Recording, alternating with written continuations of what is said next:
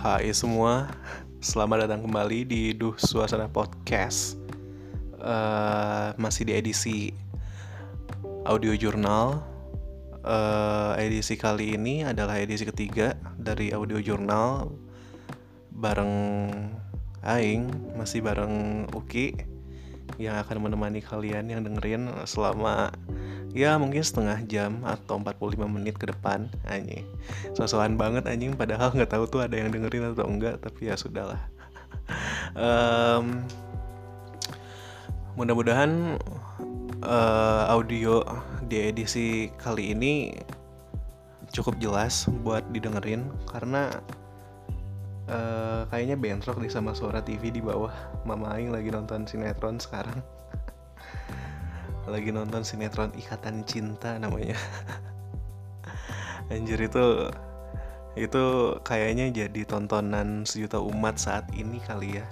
Di di internet tuh banyak yang ini apa yang antusias sama sinetron itu gitu. Di RCTI dan ya termasuk Mama Aing sih Mama Aing ketagihan banget nonton itu. Kalau misalkan beliau ketiduran di saat ini apa si sinetron itu tayang. Terus jadi kayak kenapa sih kamu nggak bangunin mama? gitu. Gitu jadi ya ya sudahlah gitu. Dan suaranya juga harus keras kayaknya ya. Tapi mudah-mudahan kedengeran sih. Uh, Aing juga kayaknya bakal tambahin back sound yang ada di anchor aja kali ya buat ngakalin gitu. Gitu um, sebenarnya seperti biasa aing uh, tidak tidak memiliki bahasan apa pun sih. Dan aing bakal ngomong apa yang aing alami aja kali ya. Selama seminggu ke belakang uh, seenggaknya setelah aing rekaman yang di AC yang lalu gitu um, beberapa hari yang lalu kalau misalkan ngomongin seminggu ke belakang beberapa hari yang lalu aing baru aja selesai mengantar orang tua aing untuk melaksanakan operasi di Santosa di Santosa Sentral satu salah satu rumah sakit di Bandung rumah sakit Santosa di Jalan Kebon Jati. Ya dekat-dekat stasiun gitu gitulah dekat jalan apa ya dekat jalan Pasir Kaliki sama Otista atau Oto Iskandarinata uh, ya gitulah itu. Otista terus ya gitu. Uh, menjalani operasi sempat dirawat satu malam. Alhamdulillah hanya kalau aja ya hal-hal yang kayak begini baru aja alhamdulillah gitu. Kelihatan banget aja nggak religiusnya ya. Nggak pernah ibadah. Dan ucapan itu bikin kalian semua yang dengerin tahu agama aing tuh di KTP di KTP sebenarnya apa? Gitu um, ya jadi ya mama aing sih habis melaksanakan salah satu operasi kecil di lengan beliau um, jadi kan uh, mama aing sedang menunaikan proses cuci darah lah gitu.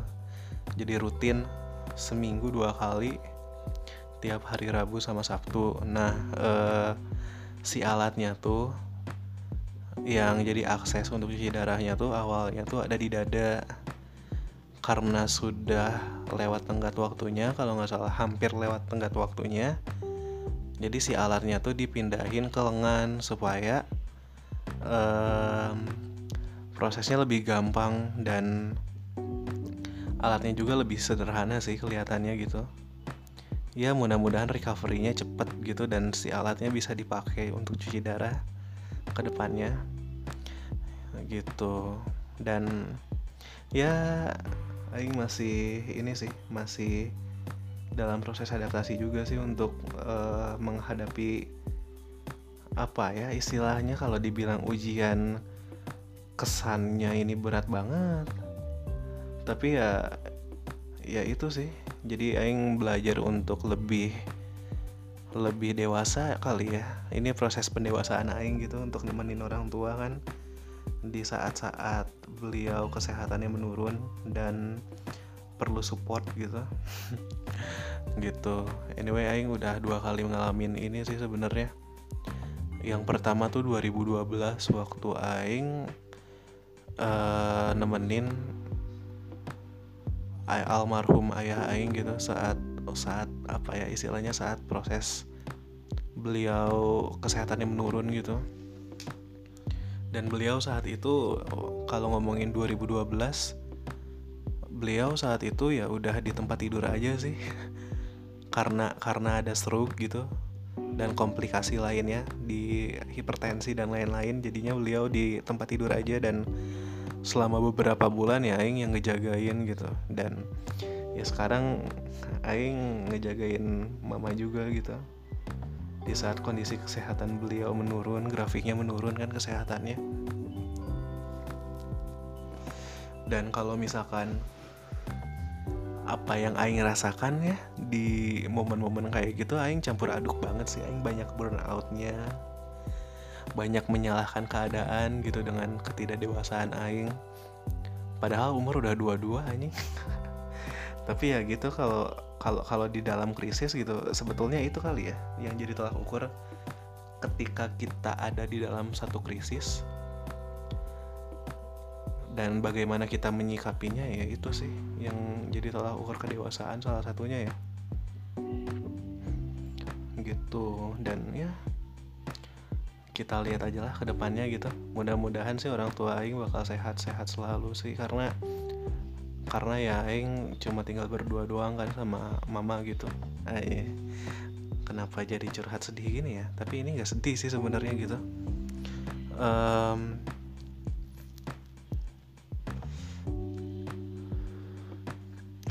nungguin ya anjing. Ini Aing sambil ngerokok anyway. Uh, gitu sih. Dan aing tuh ya satu sisi gitu ngerasa ketika aing uh, ya maksudnya harus lah gitu nemenin orang tua ngurusin dalam artian yang ngurusinnya tuh ke hal-hal yang yang apa ya istilahnya tuh yang aing susah sih menemukan diksinya gimana tapi ya ya mungkin contohnya ya aing jadi jadi mandiin beliau gitu. Terus masak juga. Ya dari dari beberapa tahun ke belakang sih aing masak terus ya di rumah. Terus antara beliau ke rumah sakit bolak-balik untuk cuci darah. Uh, merhatiin obat-obatan beliau. Sampai ya aing selama beberapa bulan ke belakang ya aing di rumah terus gitu. Aing nggak keluar untuk main nongkrong gitu. Aing udah jarang banget kayaknya hampir enggak deh dan banyak hal yang aing ini sih yang aing pikirin gitu saat itu kenapa aing harus harus menjalani proses itu gitu ya. Apa yang semesta lakukan sih terhadap aing gitu sampai aing harus menjalani proses itu di umur aing yang segini gitu. Di mana aing tuh ya waktunya apa ya waktunya untuk explore gitu. Untuk cari koneksi untuk ngelarin kuliah untuk cari penghidupan sendiri dengan kerja. Ya kuliah aing aja sekarang aing terbengkalai gitu dan ya bukan terbengkalai sih maks maksudnya ya tertunda lah mungkin ya untuk lulusnya gitu. Aing udah telat satu semester kayaknya kayaknya aing mungkin bisa ngelarin satu semester lagi mudah-mudahan ada rezekinya dan waktunya dan semangatnya juga. Tapi ya gitu sih uh, ya hidup adalah perpindahan kan perpindahan yang harus dinikmati gitu. Dan dibalik itu semua ya ya Aing tuh sampai sekarang mungkin ya masih sering mengutuki dunia sih anjing kenapa ini harus kejadian di Aing gitu. Walaupun memang gitu setelah Aing pikir-pikir ya dalam rangkaian proses itu oh ya Aing mau bahas ini sih sebenarnya kayak ngalamin situasi yang aing alamin sekarang itu sebetulnya privilege atau bukan ya gitu? Ini sosok ini ya sosok filosofis ya. Maksudnya kan uh, privilege itu kan adalah sebuah keadaan di mana ya ya maneh itu mendapatkan suatu hak istimewa atas sesuatu gitu. Kayak misalkan maneh hmm, bisa makan tiga tiga kali sehari ya itu privilege kan gitu maksudnya karena karena ada ses, ada ada lain pihak gitu ada seseorang di luar sana yang tidak yang yang belum tentu seperti mana gitu yang bisa makan tiga kali sehari. Ya mungkin ada juga yang dua hari sekali di belahan dunia yang lain gitu karena perang karena kondisi ekonomi misalkan.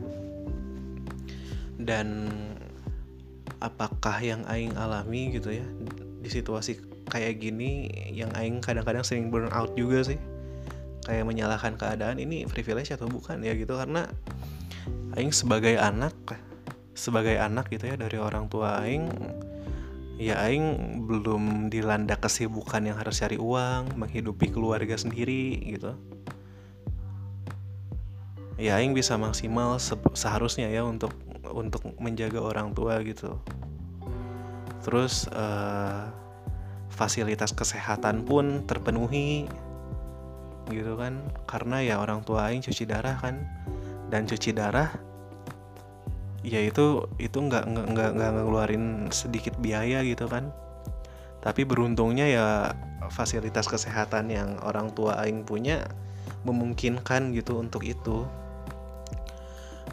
um, bayangin aja cuci darah kan kalau misalkan kalau misalkan tidak tidak menggunakan asuransi kesehatan gitu ya satu sesinya bisa sejuta setengah gitu satu setengah juta rupiah. Seminggu dua kali kali kali empat misalkan ya. Satu bulan bisa berapa kali tuh matematika aing tolol jadi aing nggak bisa ngitung. Tapi yang jelas ya itu sih aing merasa beruntungnya merasa berprivilege gitu untuk itu. Ya aing tinggal merawat beliau aja gitu dan bersabar. Selagi orang tua aing masih ada gitu masih ada di sisi aing masih ngasih perannya sebagai ibu gitu. Walaupun ya mungkin ya ya kalau misalkan merasa bersyukur dan berprivilege harusnya tidak ada walaupun atau tapi ya. Dan itulah makanya itu paradoksnya di situ sih ya aing harusnya selaras dengan alam aja gitu mikirnya. Gitu. Dan dan yang ngomongin privilege terus uh, ya ini masih konteks ini kali ya konteks uh, kondisi mama gitu kondisi ibu aing. Ya aing masih bisa menemenin uh, nemenin beliau fasilitas kesehatan masih terpenuhi dengan asuransi segala macem ya even di rumah sakit pun gitu ya semuanya terpenuhi juga sih. Kayak ya mama aing masih bisa gitu kalau misalkan ke rumah sakit nggak nggak nggak pusing mikirin biayanya kayak gimana. Kayak ya udah gitu tinggal jalanin aja dan punya semangat untuk sehat gitu untuk pulih. Soalnya soalnya ketika ngomongin privilege gitu ya apakah ini privilege atau enggak kadang-kadang orang tuh suka denial sih sama privilege yang dia punya gitu. Kayak enggak kok ini aing berjuang sendiri kok. Ini enggak ada bantuan dari privilege keluarga aing ada ada ada ada. Aing pernah hidup susah kok gini gini gini aing dan dan dan aing tuh sebenarnya pembahasan kayak gini tuh ya sebelum aing merefleksikan ke diri aing Aing tuh baca satu satu tweet gitu kan dari salah satu public figure. Uh, ya public figure sih ini ini public figure atau bukan ya tapi ya public figure tuh kan mungkin secara secara uh, apa ya secara definisi definisi sotoinya aing gitu public figure kan seseorang yang dikenal secara publik gitu. Dan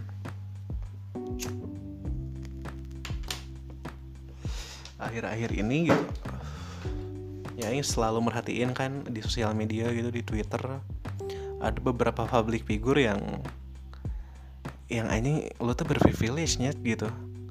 Apalagi beliau kan salah satu cucu gitu dari dari dari salah seorang proklamator gitu. Cucunya wakil presiden. Ya ini mumpung aing belum kenal dan yang dengerin podcast ini sedikit gitu ya sebut saja lah gitu namanya Gustika gitu. Ya Gustika kan sering nge-tweet gitu misu-misu gitu soal enggak kok ini aing usaha sendiri kok ini nggak nggak nggak nggak bukan berarti ini privilege karena aing cucinya Bung Hatta gitu. Kayak soal beliau kuliah lah soal uh, jatah vaksin kalau nggak salah yang terbaru ini gitu yang aing baca kayak ya tante gue uh, ya dapat vaksin tuh bukan berarti beliau cucu, uh, anaknya Bung Hatta tapi beliau adalah dokter yada yada yada yada misalkan. Kayak ya udah sih maksudnya kenapa musingin gitu? Kenapa musingin bahwa itu tuh privilege atau enggak? Tapi emang emang menyebalkan juga sih ketika ketika kita melakukan sesuatu tapi orang tuh ngecap ini tuh privilege gitu. Dan dan ngelihat hal itu ya kayak Aing nggak ngebayangin sih gimana rasanya jadi Putri Tanjung gitu. Ketika beliau kan punya bisnis media CX, CXO kalau nggak salah terus punya IO juga. Tapi kan tapi kan ketika beliau ngadain seminar entrepreneur ya orang percaya nggak sih gitu soalnya kan kalau kalau beliau bangkrut ya udah gitu bokapnya masih kaya kaya aja gitu. Ya orang bokapnya salah satu orang terkaya di Indonesia kan. Khairul Tanjung gitu perusahaannya di mana-mana punya Transmart punya Bank Mega segala macem.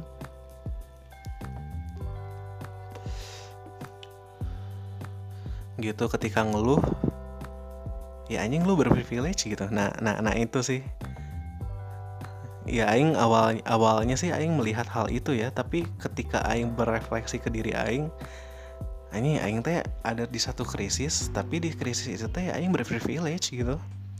Kalau misalkan dilihat dari sudut pandang yang lain makanya mungkin kayak kita tuh nggak boleh kali ya untuk untuk melihat satu sisi itu dari satu sisi aja gitu. Tapi bukan satu sisi maksudnya sorry uh, melihat satu satu hal dari satu sisi aja. Tapi dari berbagai sisi juga sih karena ya Aing merasa beruntung juga gitu. Ketika ketika orang tua aing di dalam satu krisis gitu ya krisis keluarga lah gitu krisis hubungan orang tua dan anak gitu aing ya aing masih bisa bikin podcast aing masih bisa pacaran walaupun semi-semi LDR gitu karena nggak bisa ketemu tiap hari aing masih bisa uh, mengkonsumsi hiburan gitu di YouTube dengerin podcast walaupun ruang gerak aing aing merasanya terbatas dan aing beberapa kali burn out gitu kayak aing kayak orang gila aja sih beberapa hari ini gitu. Kayak aing bengong bengong bengong nangis ngerokok sambil nangis terus marah-marah menyalahkan keadaan gitu. Apalagi aing aing tuh kan anak paling kecil ya. Dan Aing tuh tumbuh besar ketika orang tua Aing dua-duanya sudah pensiun gitu. Jadi berbeda lah gitu dengan bagaimana kakak-kakak Aing tumbuh gitu. Dan Aing selalu membandingkan diri Aing dengan kakak Aing. Jadi ya begitu sih maksudnya ya. Aing juga cover privilege sih sebenarnya. Karena Aing masih punya orang yang Aing sayang ya mama ya pacar gitu kan. Dan dan dan memang sih anjir quotes quotes gitu ya yang konsumsi ya. Atau misalkan ilmu-ilmu gitu dari siapa filsuf siapa gitu yang aing baca dan aing coba pahami memang harus harus kita alami dulu krisisnya baru kita ngerti gitu konteksnya apa. Gitu sih dan dan ketika kita nggak ngalamin ya kita nggak nggak tahu. Jadi kita teh apa ya kita kita tuh ibaratnya ya kalau aing mungkin ini ini aing berusaha menyusun kalimat nih. Uh, ibaratnya tuh kayak misalkan kita ada di satu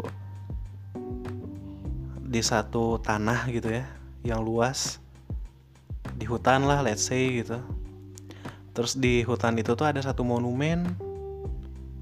Di monumen itu tuh kita bisa hidup. Kita bisa bangun tenda kita bisa bikin api unggun segala macem.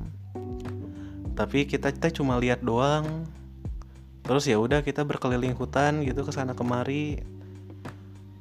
Sampai akhirnya kita kembali lagi ke monumen itu oh ternyata ini tempat yang tepat gitu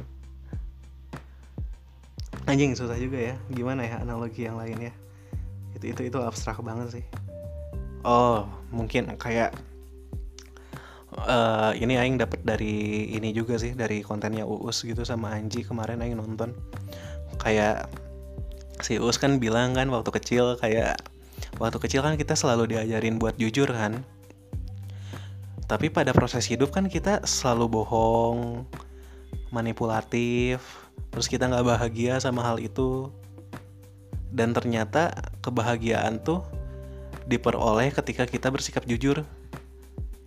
Kan itu jadi balik lagi ya nggak sih? Di satu titik nih kita ke mana-mana terus ya udah balik lagi ke titik awal.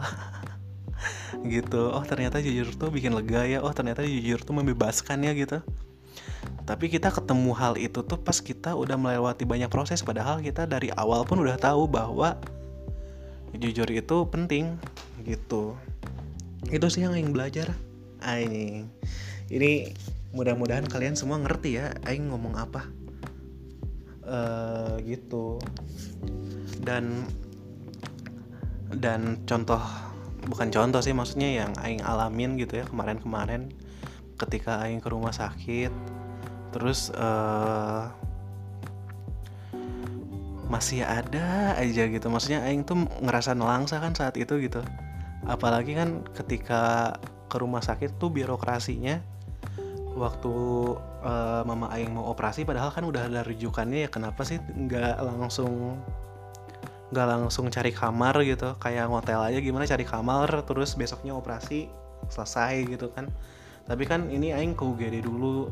Di UGD banyak banget orang dan prosesnya lama banget. Kayak aing eh, aing tuh ke rumah sakitnya tuh hari Rabu. Minggu ini hari Rabu. Eh, siangnya tuh cuci darah mama tuh di rumah sakit Santosa Kopo terus eh, uh, menjelang sore aing ditelepon ini udah udah ready nih uh, udah harus ke rumah sakit. Oh ya udah aing ke rumah sakit lagi. Dan dirujuknya tuh bukan ke Santosa Kopo jadi Santosa Sentral di kebun kawung itu kan di tengah kota lah gitu. Terus ternyata harus masuk UGD dulu nggak bisa langsung booking kamar kamar rawat inap maksudnya. Pas di UGD didiemin dulu aing berapa jam gitu. Mama aing sampai capek gitu lemes banget aing gak tega liatnya. Aing tanya-tanya ke perawat di sana. Belum siap belum siap belum bisa masuk gitu. Jadi bukan di UGD-nya tapi di depannya di lobbynya gitu. Dan otomatis kan ketemu banyak orang juga gitu yang terbengkalai juga sama gitu. Bukan terbengkalai sih maksudnya ditunda lah karena uh, di situasi kayak sekarang situasi covid rasanya lebih diprioritasin untuk yang covid dulu dapat penanganan lebih cepat sih. Kalau di rumah sakit gitu sih se penglihatan aing gitu. Kayak yang prioritasnya yang kena covid dulu masuk UGD gitu. Sementara yang lainnya ya ada yang mungkin harus swab test dulu gitu. Uh, atau rapid gitu segala macam tergantung regulasi rumah sakitnya. Terus pas begitu di UGD ya ngobrol tuh ada ada ngobrol dan ngelihat sekeliling gitu. Kayak ada yang kejang-kejang di kasur tapi nggak di maksudnya di kasur rumah sakit tapi nggak di proses apa-apa nunggu administrasi segala macem. Ada yang mereka tuh udah ditolak berapa rumah sakit gitu. Terus karena kelamaan di situ jadi nyari rumah sakit yang lain. Dan ketika Aing ngobrol sama salah satu keluarga pasien uh, ini ini pas pakai asuransi BPJS enggak ya pakai gitu. Dapatnya kelas berapa? Iya kelas 1 kata Aing tuh gitu kan. Dan, dan, dan memang karena mama Aing pensiunan pegawai negeri sipil gitu kan ada fasilitas kesehatan kelas 1 gitu. Dan beliau juga jarang pakai baru sekarang-sekarang aja pakai gitu. Dan oh ya mending ya si ibu gitu beruntung gitu. Kalau saya mah kelas 3 aja maksudnya ada aja yang ngemendang mending gitu di situasi aing tuh lagi kalut gitu. Ini nih si bapak gitu kan. Terus ada ada ada uh, ya suaminya lah gitu. Ya udah di tempat tidur aja gitu kayak kejang-kejang kayak stroke gitu kayaknya ya. Seharusnya dapat penanganan yang cepet tapi malah seadanya karena nunggu administrasi cuma dikasih tabung oksigen doang. Even belum diinfus gitu. Terus begitu akhirnya Aing masuk kamar tuh jam satu pagi kan. Akhirnya gitu dapat kamar segala macam administrasi beres apakah itu karena pengguna uh, apa sih aing pengguna uh, apa sih mama pengguna uh, eh, BPJS atau enggak tuh aing nggak ngerti sih itu ngaruh atau enggak gitu. Yang jelas semuanya numpuk gitu kan di UGD aing khawatir kena covid juga segala macem kan. Terus ya akhirnya ya bersyukur lah gitu bisa dapat ruangan. Terus di ruangan ya ruangan kelas 1 lah gitu. Enak ada li ada ada AC ada kulkas mini gitu. Segala macam viewnya juga indah. Aing bisa melihat satu sisi kota Bandung yang oh ternyata dari point of view ini tuh Bandung tuh kayak gini gitu.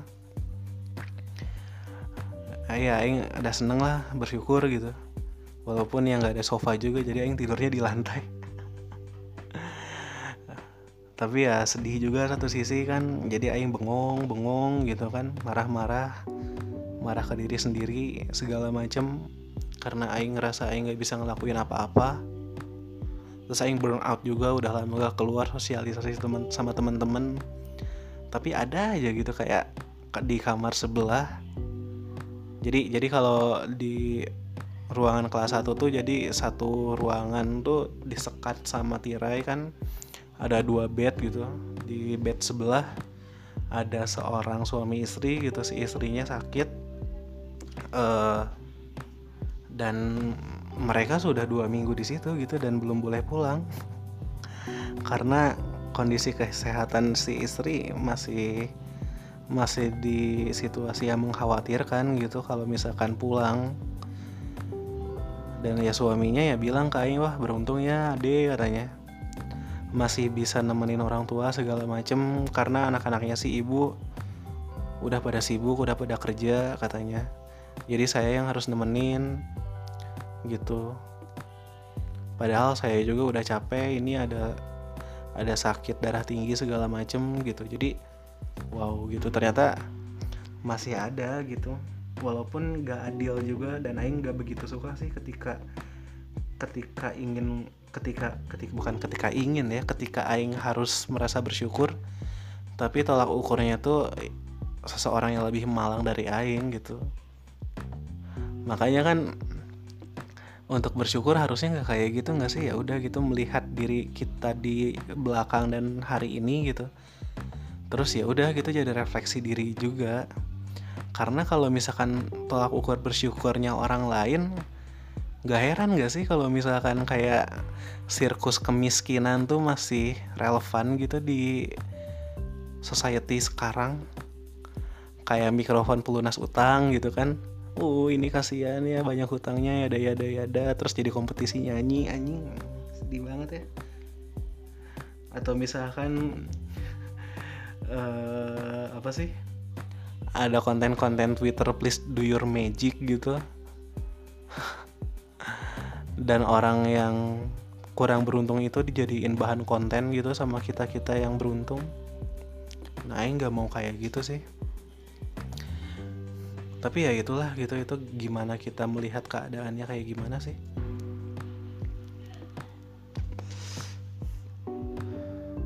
Makanya ada bias gitu soal privilege sebenarnya kalau aing ngelihat ya. Apakah ini teh suatu keberuntungan atau enggak ya balik lagi ke kita menyikapinya gimana anjing. Anjing sotoy banget ya aing padahal aing belum ke mana-mana juga hidup. Gitu. Makanya ketika di, di masa depan ya ketika aing ditanya pernah susah nggak sih anjing ini ini udah mulai cepet nih. Pernah susah nggak sih ki gitu? Ya aing aing sih nggak berani ya rasanya untuk bilang gitu. Ya aing pernah susah dulu aing ngalamin proses kayak gini gini gini. Ya aing bilang aja sih enggak sih.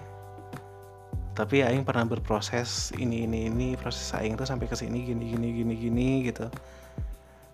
Mungkin itu jawaban yang lebih bijak kali ya daripada merasa susah gitu ya walaupun ya relatif juga sih soal bijak atau enggak tuh gimana orang uh, ngelihat kita ya. Dan kita nggak bisa nilai diri sendiri sih makanya aing takut gitu. Untuk merasa sial atau gimana atau ngerasa terlalu beruntung atau gimana gitu. Um, makanya aing jadi ingat sih satu cerita gitu kayak kayak ada gitu temen aing. Kayak dia tuh ngerasa susah banget struggle banget. Padahal aja motornya aja motor sport gitu. Tinggalnya aja di apartemen gitu. Tapi ngerasa susah banget. Anjing aing aja nggak ngerasa nggak gitu-gitu banget gitu. Atau mungkin ngerasa susah atau enggak tuh tolak ukurnya tuh definisi bahagianya orang gitu ya. Ketika mereka dengan deng, dengan apa yang mereka punya tapi masih merasa susah berarti ya udah gitu mereka nggak bahagia gitu kali ya. Soal kepunyaan dan ketidakpunyaan gitu bahagia tuh nggak tahu sih. Itu itu itu itu balik lagi balik lagi ke orang sih hanya emang masing-masing sih apa-apanya tuh masing-masing.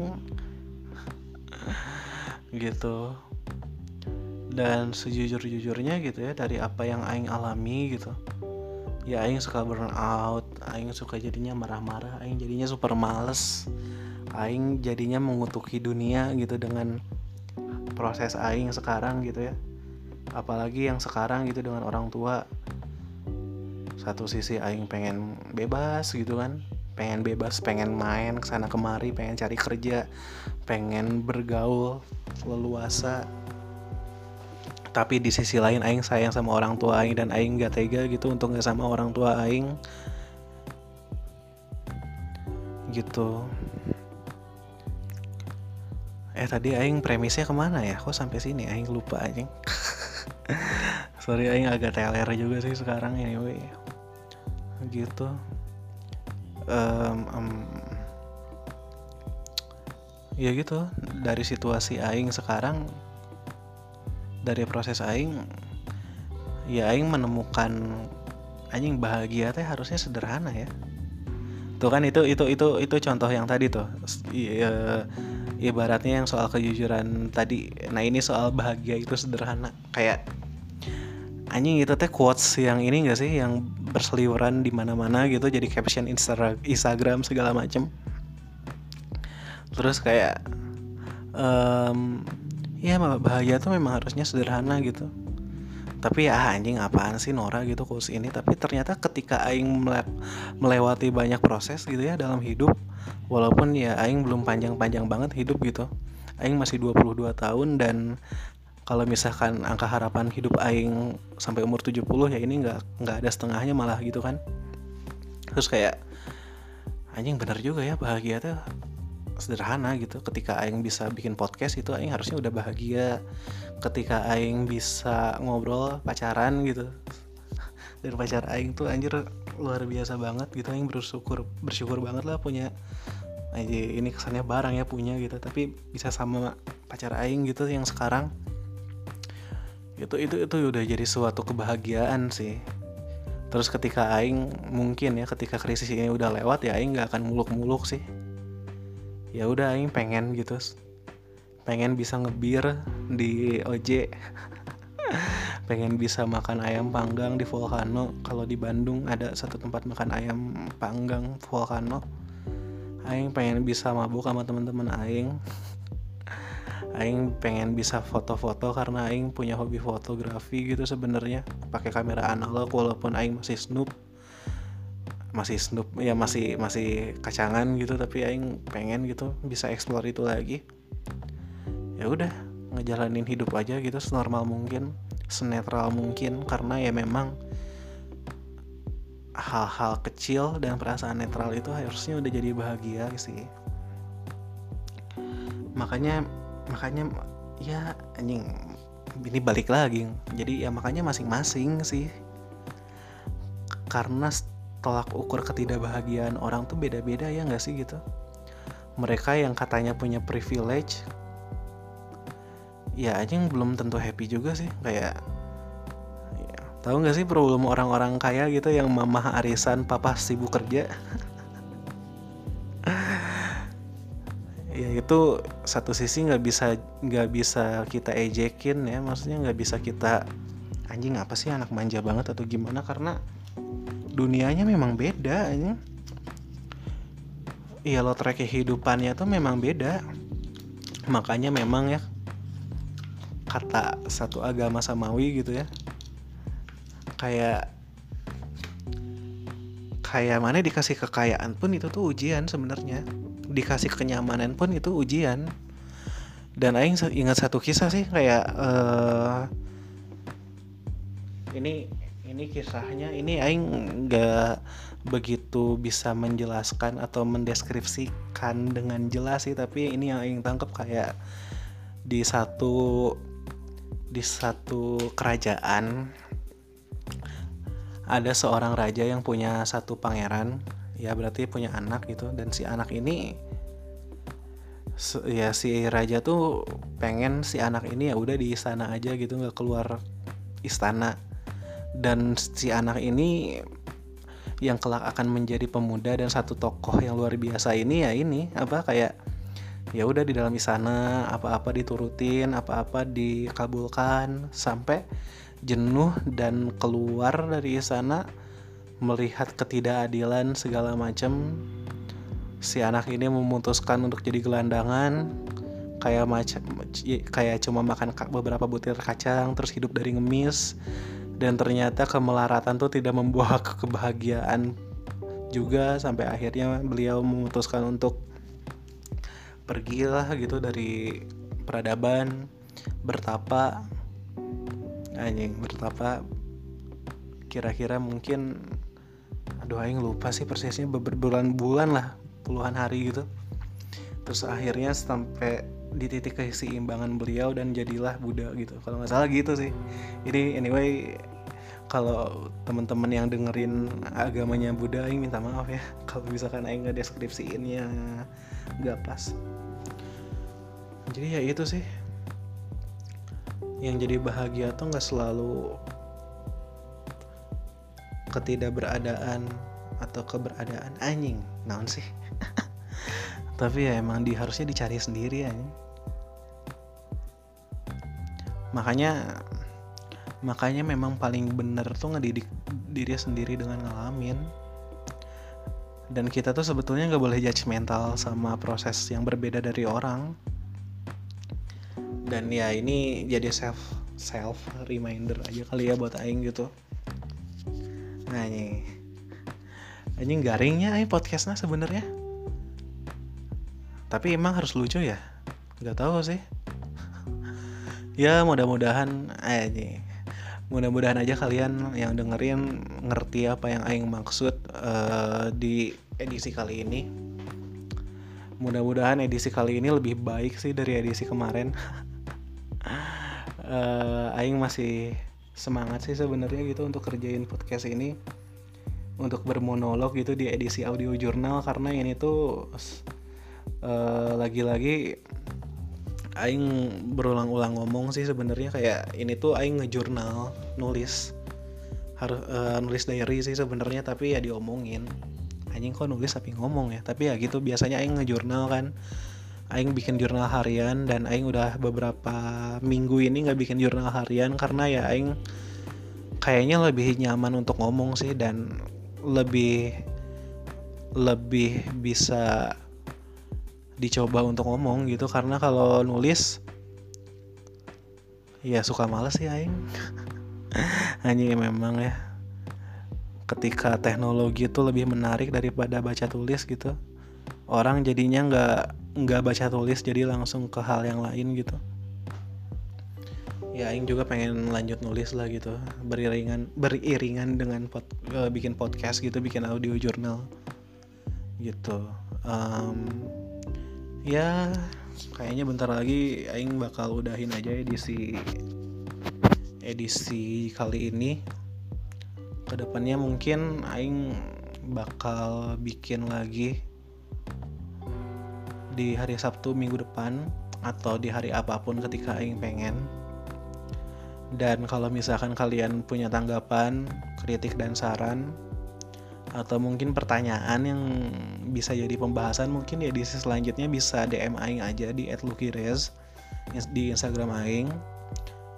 Ya kalau email sih kayaknya enggak lah di DM aja di @lukirez at L U C K Y R E Z anjing. ya gitu aja deh. Bye semua. Sampai berjumpa di edisi selanjutnya ya.